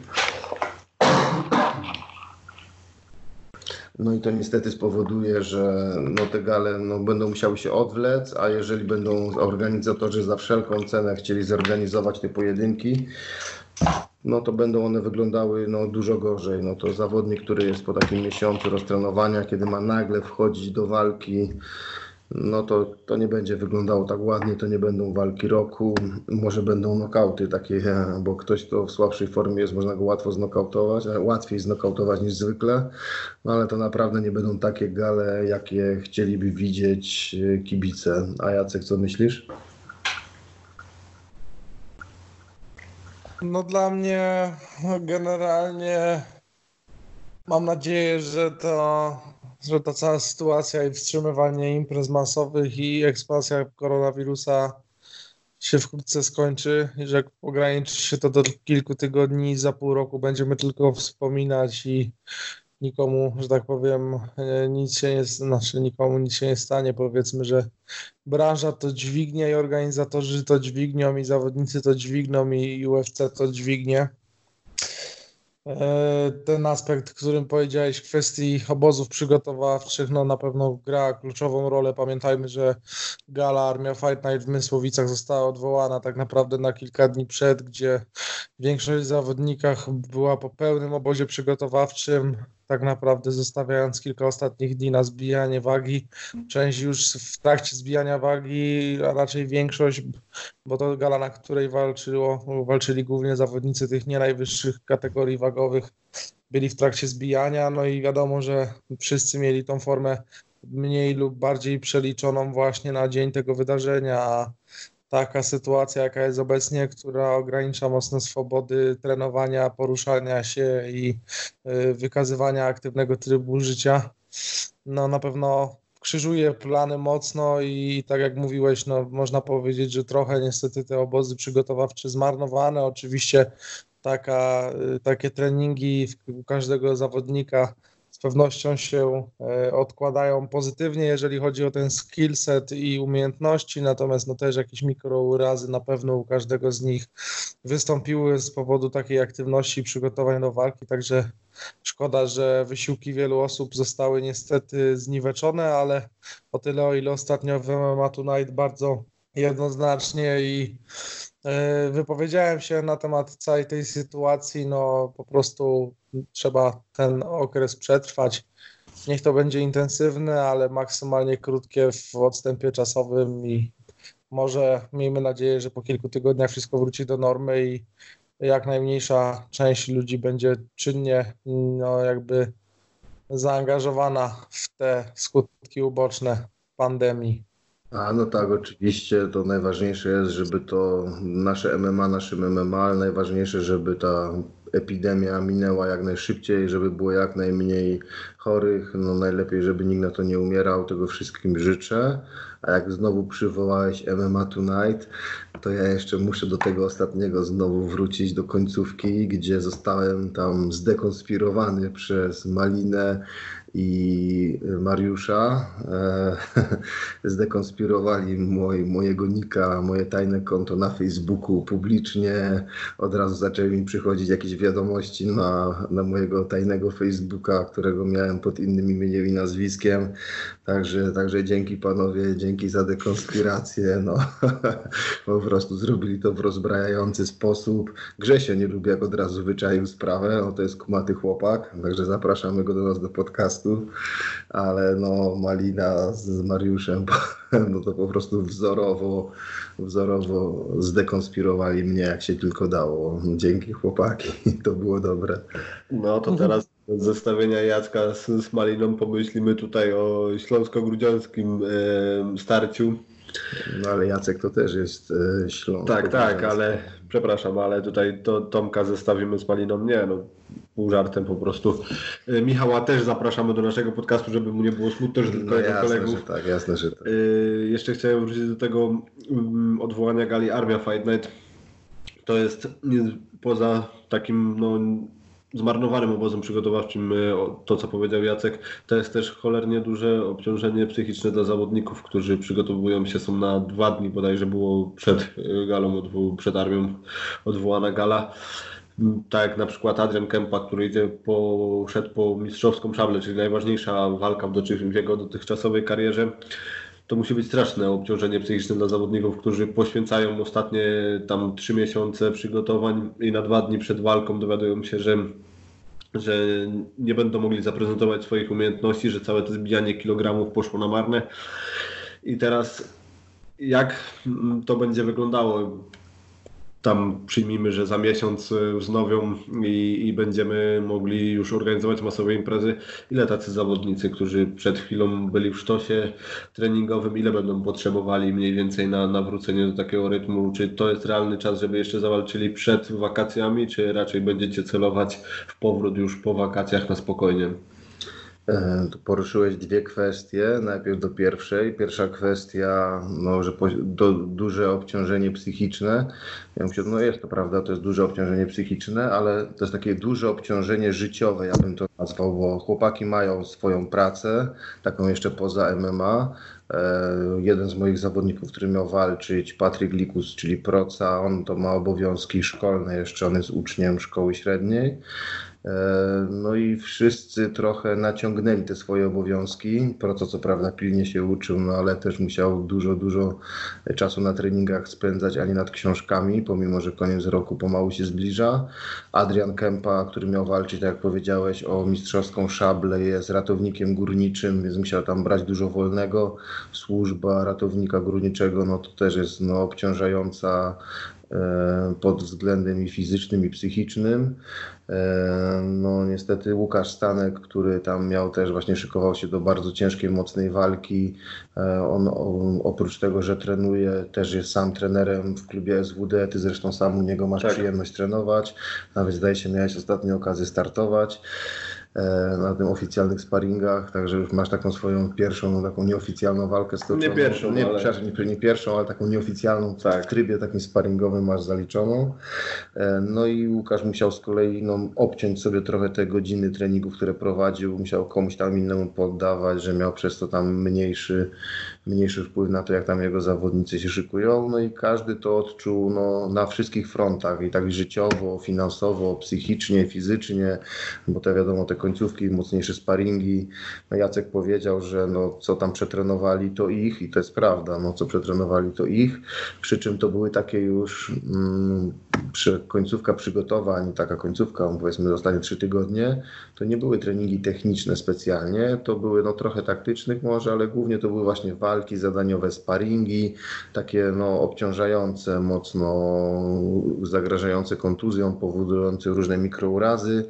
No, co przesparowali, to prawda, to ich, ale to były takie treningi nakierowane na bieżącą formę. One miały zaowocować, takie dociśnięcie w tej końcówce tych ostatnich dwóch, trzech tygodni i później jeszcze ta przerwa odpoczynku miała ym, zaowocować takim mocnym wystrzałem na samej gali. Wtedy mieli być tacy zmobilizowani do jak najcięższej walki.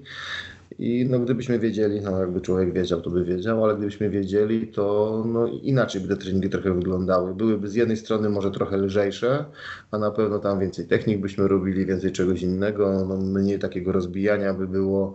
Mm, chłopaki nie braliby tyle wolnego, nie zużywali, nie traciliby swoich urlopów, no, które tam nabierali, żeby przygotować się jak należy do tej gali. I to jest jedna kwestia. Druga, mm, jeżeli za miesiąc wróci y, wszystko tak jak było, no kiedy będą chłopaki mogli walczyć. A to zależy od tego, kiedy będziemy mogli zacząć normalnie trenować. To trochę od tego po pierwsze zależy, a po drugie to też zależy od tego, jak to wszystko się teraz odbije na ich stan zawodowy, bo na przykład Patryk Likus, który jest uczniem szkoły średniej, ma teraz przerwę. Mógłby sobie trenować, ale nie może trenować, a kiedy szkoła wróci, nagle będzie musiał nadrabiać masę materiału, będzie masa zajęć, masa zaliczeń i on nie będzie sobie w stanie teraz tak trenować, tak jak teraz, kiedy właśnie trochę sobie odpuścił, a żeby później przysiągnąć książkami, no będzie musiał chodzić więcej do szkoły, uczyć się więcej. Tak samo dajmy na to Adrian Kempa, który wziął sobie wolnego tego urlopu, wybrał tak z góry. No nie będzie mógł sobie tak o po prostu wybrać znowu więcej urlopu, no bo żeby sobie wziąć urlop, to trzeba później popracować i odrobić ten czas, kiedy się miało wolne. Dlatego no tutaj, no niestety to tak trochę czarno to widzę, że jakby się okazało, że nagle za miesiąc nam robią następną galę, to się może okazać, że z czterech moich zawodników, którzy mieli walczyć na tej gali, jeden niestety wypadł przed kontuzją, miał walczyć dalej trzech. Oni się to już byli przygotowani, wszystko no, dopięte na ostatni guzik, już ostatnie takie szlify, tylko cięcie wagi. Jeden już miał zrobioną wagę, dwóch już miał, miał prawie dociągniętą do końca. No i nagle w tym momencie no, obawiam się, że żaden z nich nie będzie specjalnie w stanie za miesiąc stoczyć swojego pojedynku. Oczywiście no, no bym się mylił, ale to jeszcze dużo zależy od tego właśnie, jak się im ułoży, a nie wiemy tego, kiedy wrócą zajęcia w szkole, jak będzie wyglądała ich sytuacja zawodowa, kiedy Łukasz będzie musiał wrócić te treningi prowadzić, kiedy będzie mógł w ogóle prowadzić te treningi. No my tego wszystkiego na ten moment nie wiemy. Teraz no to mogą sobie jedynie gdzieś tam biegać, trochę siłówki porobić, wykorzystać ten czas na odpoczynek odpoczynek, no jakoś tam spuścić ciśnienie z głowy, e, nabrać troszeczkę tego głodu, ale no, no, no, no nie jest to takie łatwe do przewidzenia, co będzie dalej. No, gdybyśmy wiedzieli, kiedy wracają treningi, kiedy są plany następnych gal, to mog- i jak będzie wyglądała sytuacja zawodowa, moglibyśmy coś więcej powiedzieć, no ale w tej chwili no, nie podejmujemy jeszcze żadnych kroków, czekamy aż się cokolwiek wyklaruje i jestem pewien, że w innych klubach wygląda to tak samo no pewnie są jakieś kluby, znaczy no wiem, że jest kilka klubów, które trenuje normalnie, natomiast większość klubów pauzuje, no i tak samo zawodowo zawodnicy no mają teraz ten taki okres bardzo często, że siedzą na postoju. Ja na przykład wylądowałem całkiem na bezrobociu, mam trzy prace, które wykonuję, wszystkie trzy prace teraz zostały zawieszone, więc cieszę się takim życiem na bezrobociu, mogę ponadrabiać zaległości w lekturach, podcasty ponagrywać, czymś innym się no, Nie mamy o czym nagrywać podcastu. A, no właśnie, teraz będzie ten problem, że nie będzie o czym, będziemy musieli jakiś własny temat. Co Jacek? UFC na, UFC na szczęście będzie się odbywało, będzie parę innych gal pewnie funkcjonowało, także my będziemy mieli o czym rozmawiać, natomiast wracając jeszcze do tego, co mówił Tomek na temat tego w, w, w ciekawy jakby aspekt przytoczył związany z tym życiem zawodowym i prywatnym zawodników, które na tym levelu jeszcze nie najwyższych, że tak powiem, e, e, nie najwyższej stawki, do którego naprawdę w tym elitarnym sporcie dociera niewielu zawodników i wielu nie dociera takich, którzy przebiegiem tej kariery zasługiwaliby na to, żeby z tego godziwie żyć. Natomiast no, dla mnie niestety organizatorzy powinni podejść do tych eventów, które się nie odbyły i zawodnicy do tych walk, które się nie odbyły, jak do, no nie wiem, jakiegoś doświadczenia jednak wyciągniętego w trochę bolesny sposób i uważam, że jeżeli sytuacja się poprawi, za miesiąc czy dwa zdejmą ten zakaz, organizacji imprez masowych, to gdzieś tam pojedynki powinny się odbywać taki sposób, jakby te gale miały swój dalszy bieg, to znaczy nie powinna być reanimowana taka gala, która miała się odbyć i została na dwa dni przed, czy na trzy dni przed odwołana, tylko powinna odbyć się kolejna karta walk, która gdzieś tam układała się w głowie organizatorów, powinni oni odpowiednio wcześnie do tych zawodników przesłać informacje o, o takim poplanowaniu takiego wydarzenia. I no cóż, no jeżeli nie przed wakacjami, to najwyżej po wakacjach. Zawsze mogłoby być gorzej, zawsze jest jeszcze ten aspekt kontuzji. Myślę, że kontuzja jest jeszcze gorsza dla zawodnika niż takie odwołanie gali, bo ciągnie za sobą e, poważne konsekwencje zdrowotne, więc oby jak najmniej takich sytuacji. No i zobaczymy, na pewno będziemy kibicowali temu, żeby, żeby to wyszło na prostą i też w jaki sposób no, jesteśmy tą sytuacją zmartwieni. No, święte słowa i jeszcze chciałbym się do jednej rzeczy odnieść w związku z tą sytuacją, bo tak teraz mówimy wszystko z punktu widzenia zawodnika, z punktu widzenia trenera, a ja bym się chciał bardzo mocno teraz pochylić nad osobą organizatora gali, bo tak no będąc tak w pobliżu tego, to widzę jak z jakimi problemami będą teraz się borykali e, organizatorzy gal, właściciele gal. Oni no, stracili jeszcze więcej niż zawodnicy, bo już mieli wyprzedane bilety, mieli już część takich kosztów, z których już się nie mogą wycofać. Hala opłacona, tak? Ale to przypuszczam, bo to w większości były takie jak z miasta, z Mosiru, to, to odzyskają te należności. To może nie będzie tak najgorzej, ale no jest bardzo dużo rzeczy, które już zostały wydane w promocji gali, w organizację spotkań, w kręcenie filmików, w opłacanie jakiegoś tam sztabu ludzi, którzy wykonywali rzeczy i to, to naprawdę nie są takie wydatki rzędu tam tysiąca czy dwóch tysięcy złotych, to już naprawdę grubsze pieniądze poszły na to wszystko. E, oddawanie biletów, teraz będzie no, cały system, cyrk będzie, no zawodnicy no, większy, nie dostaną wypłat za walki, ale no to i tak koszta, jak to już tam zostały opłacone wynajęcie klatki, przyjechały, bo to już było na dosłownie na dni przed galą, to już wszystkie konstrukcje przyjechały, za to trzeba będzie zapłacić, ktoś je przywiózł, ktoś je wynajął, tego kogoś no nie będzie interesowało, że się event nie odbył.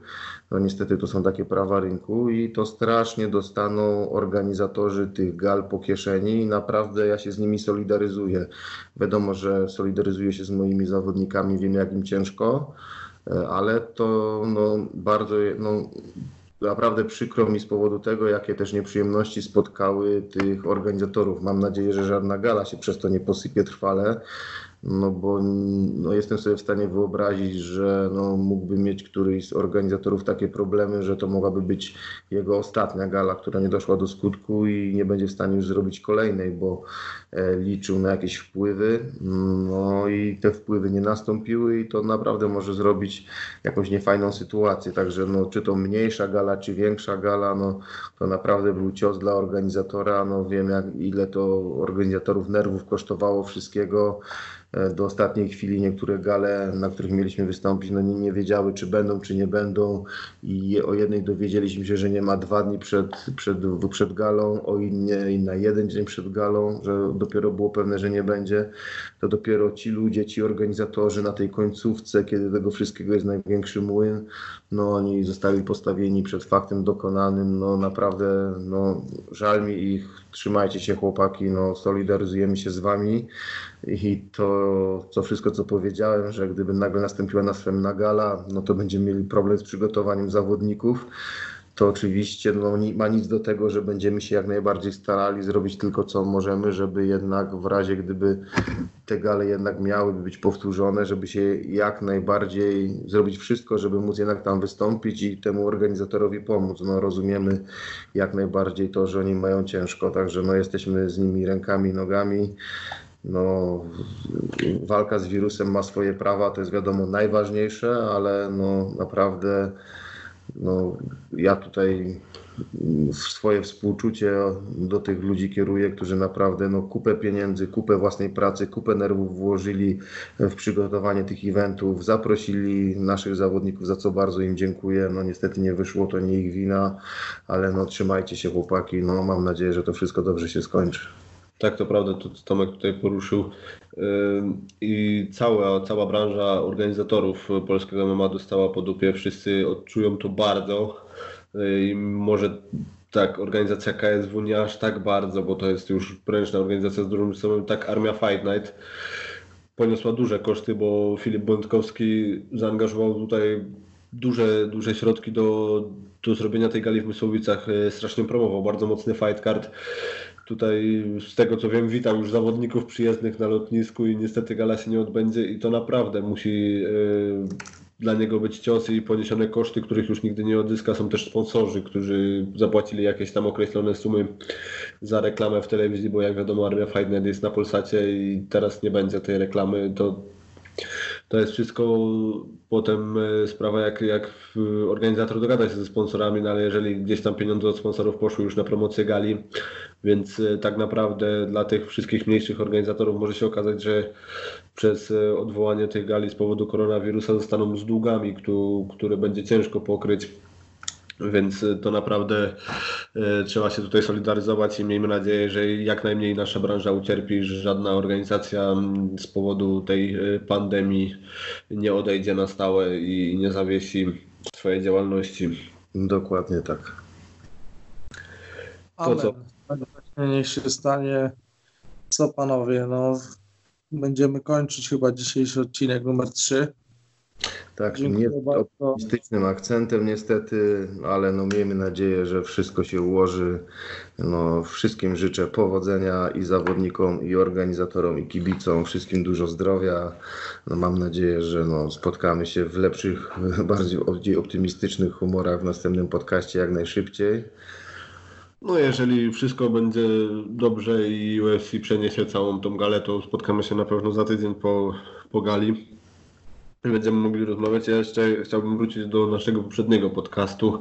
E, była tam zagadka, e, którą ty Tomek wymyśliłeś na w sumie tak na, na spontanie tutaj podczas prowadzenia tego. Nie było żadnej e, poprawnej odpowiedzi. Był jeden chyba jeden użytkownik YouTube'a, który gdzieś tam szczelił Kamila Szymuszowskiego. Myślę, że możemy już teraz podać prawidłową odpowiedź. A tak, rzeczywiście nie było prawidłowych odpowiedzi, choć, a właściwie były. E, mój kumpel z Krosna, Silva, Ksywa, odpowiedział, znaczy nie odpowiedział, bo ja wiedziałem, że on zna odpowiedź. Napisał tylko, że to Litwin, który walczył z Brazylijczykiem. Nie chciał podawać odpowiedzi, bo wiedział, że i tak niestety z przyczyn obowiązków różnych zawodowych nie wyrwie się na tą galę. Pozdrowienia Silva. On wiedział tutaj o jaką walkę chodziło. Y, odpowiedzią jest Mariusz Zaromski, z którym miał zmierzyć się o pas wagi e, półśredniej na KSW teraz.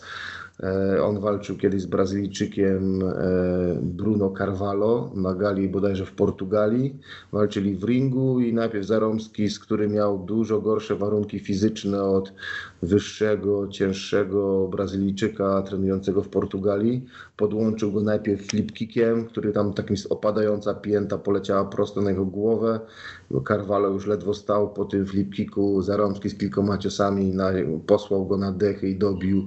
Sędzia uratował tam zamroczonego Brazylijczyka przed egzekucją że Zaromski w czasie swojej świetności no, był znany właśnie z takich bardzo widowiskowych, nokautujących kopnięć.